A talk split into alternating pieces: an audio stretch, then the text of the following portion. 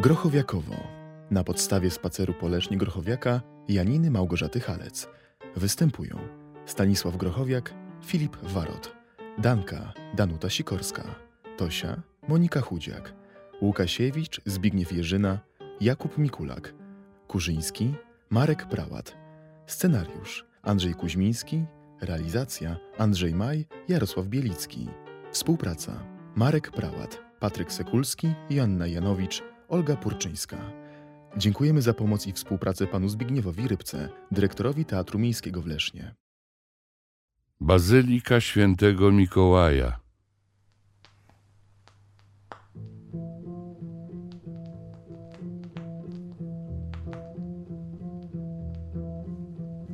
Ta pogoda ciągle zmienia się.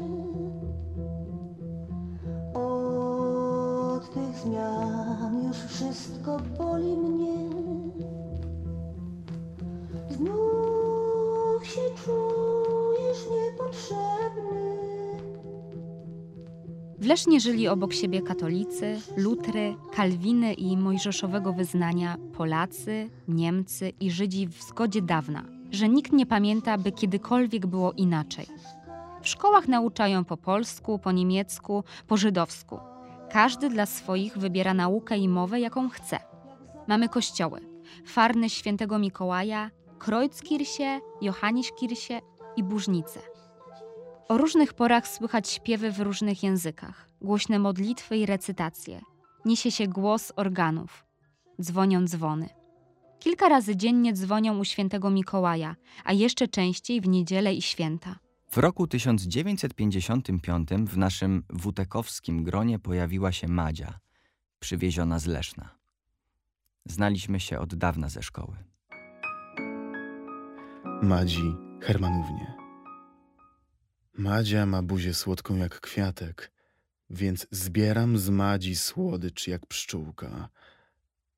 Madzia się broni, nadstawia czułka, a ja chcę tulić ust wonnych płatek, a ja jak ptaszek, co w złotej tęczy muska pod brzuszem znienacka fale. Wyczuwam sprzeciw i warg korale pieszcze przekornie wzorem ptaszęcym i czuję radość miłej pustoty, która się wkradła w nasze pieszczoty, nadając ton im i lekkość zbawczą. I widzę lśniące oczy Wiona, w tysiącu kropel na drzew koronach, jak przyglądają się nam badawczo. Gdy Staszek wyszedł w kwietniu 1952 z więzienia i oczekiwał na proces, Tolek Krupkowski i ja, bojąc się, by znów nie przeszkodziła jakaś Krysia S., aranżowaliśmy spotkania z Madzią i Staszkiem, sądząc, że z mniej lub bardziej serdecznych relacji Grochowiaka z tą miłą dziewczyną żadne poważniejsze perturbacje nie mogą wyniknąć. Znajomość nie okazała się jednak przelotna. Przed domem weselnym przy święcie chowskiej wielkopolskim zwyczajem tłuczono szkło na szczęście.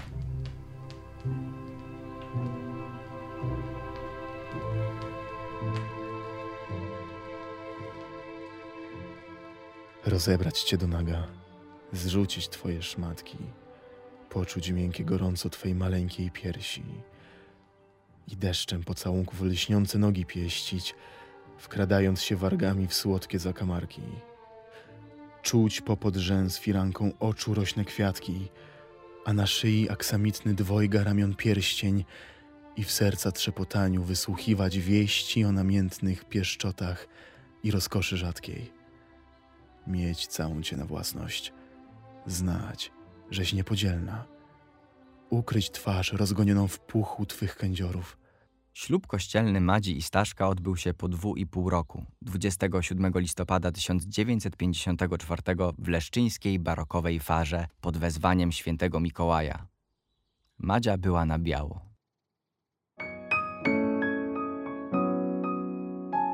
O barwę nieba proszę cię, panie, klamrami oczu ozdobnie spiętą.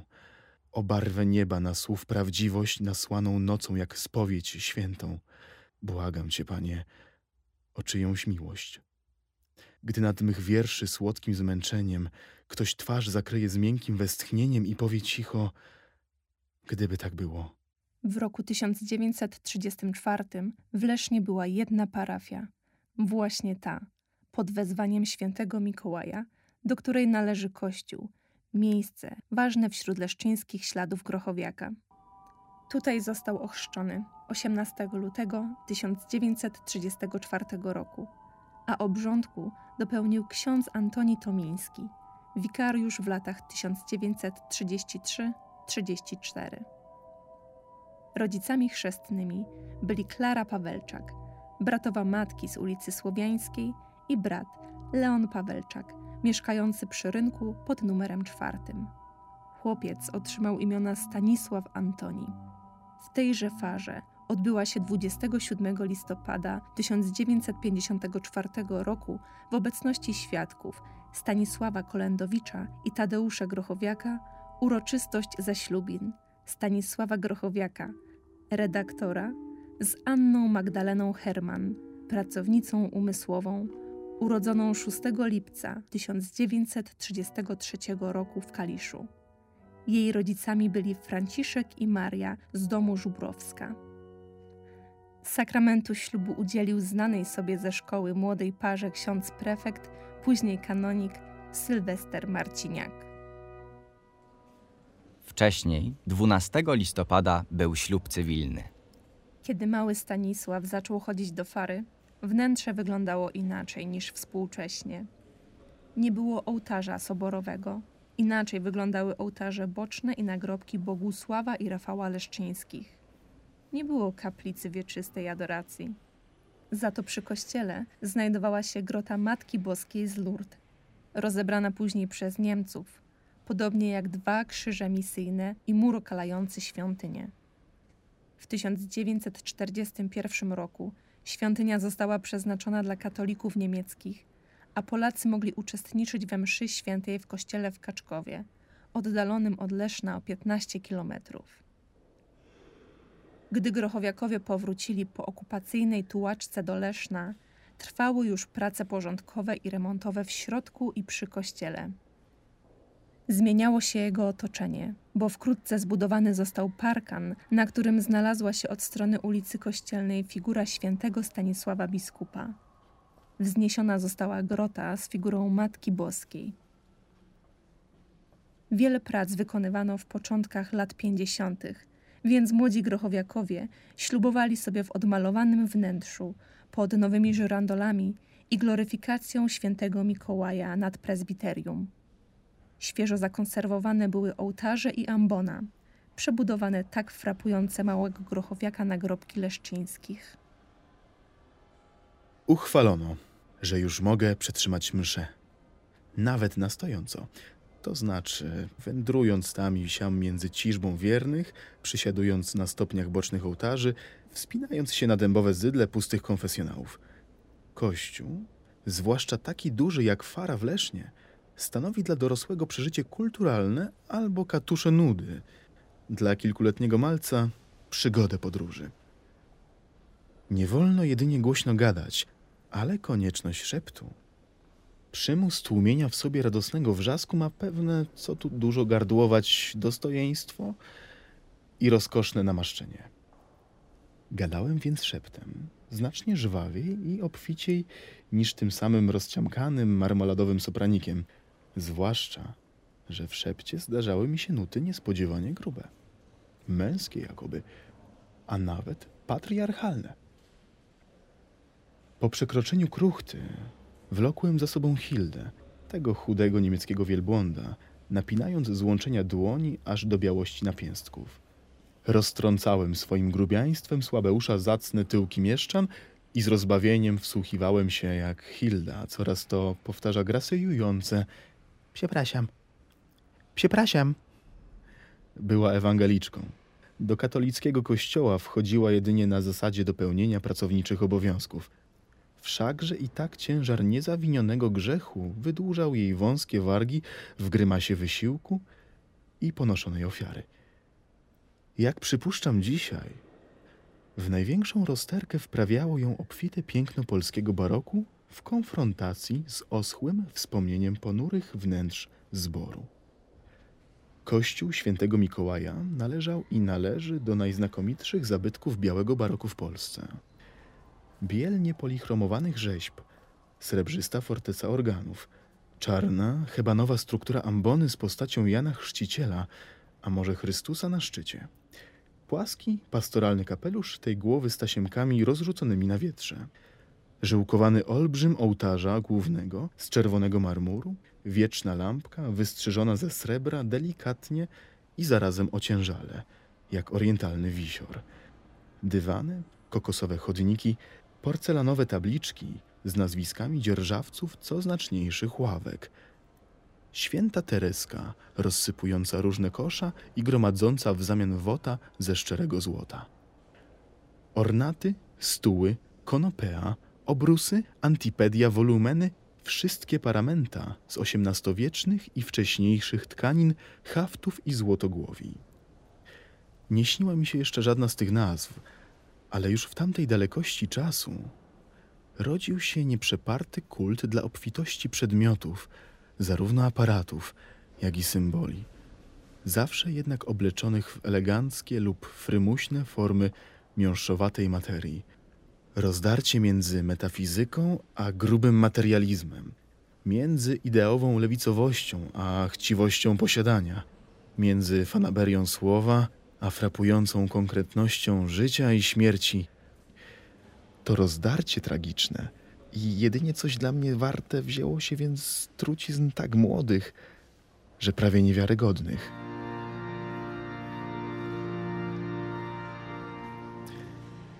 Umykałem z głównej nawy w boczną, prawą, gdzie w muszli mniejszej apsydy był jakiś nagrobek znamienity. Hilda bała się tego miejsca, ale ja ciągnąłem mocno, nie znosząc sprzeciwu. Nagrobek wymiarów ołtarza był cały wyrzeźbiony na biało, w zawierusze barokowych luksusów, w ornamencie filuternej i rozkosznie rozpalanej, zapowiadającej uroczą nieodpowiedzialność rokoka. Okropnie mnie śmieszył.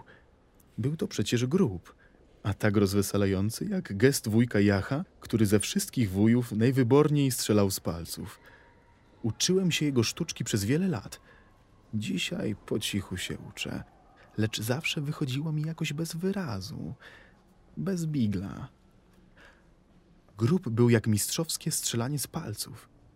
Osobliwie trupia główka, nic a nic niepodobna do czaszki, którą ojciec trzymał na bibliotece w swoim gabinecie. Czaszka z gabinetu miała pożółkłe nasady zębów, brunatne spojrzenia na cieniu, zielonkawy odcień na skroniach. Wiązała się z karą.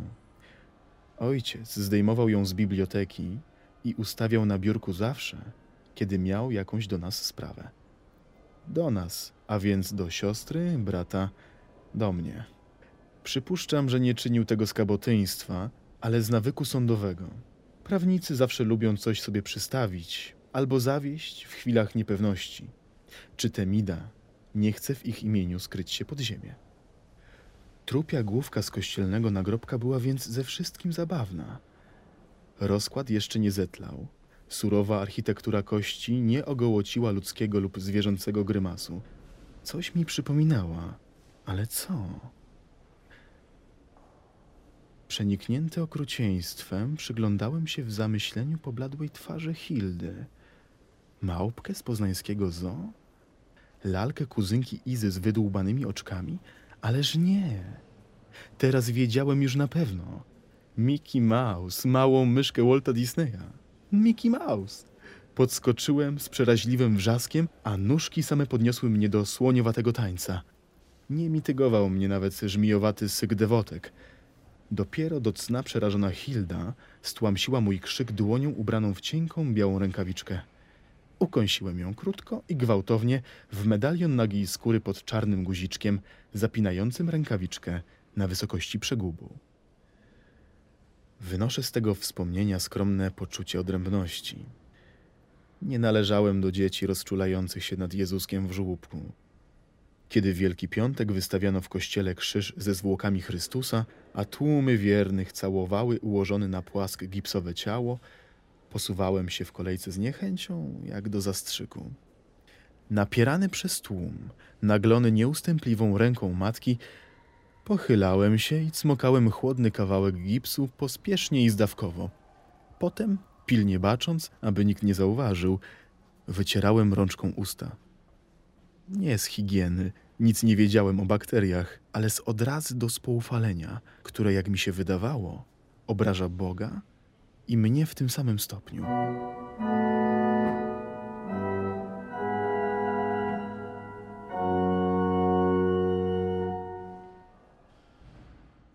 Koniec odcinka dziewiątego.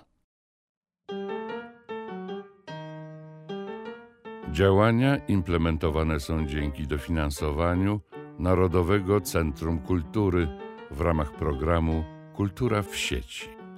Na realizację projektu pod nazwą Teatr Biblioteki.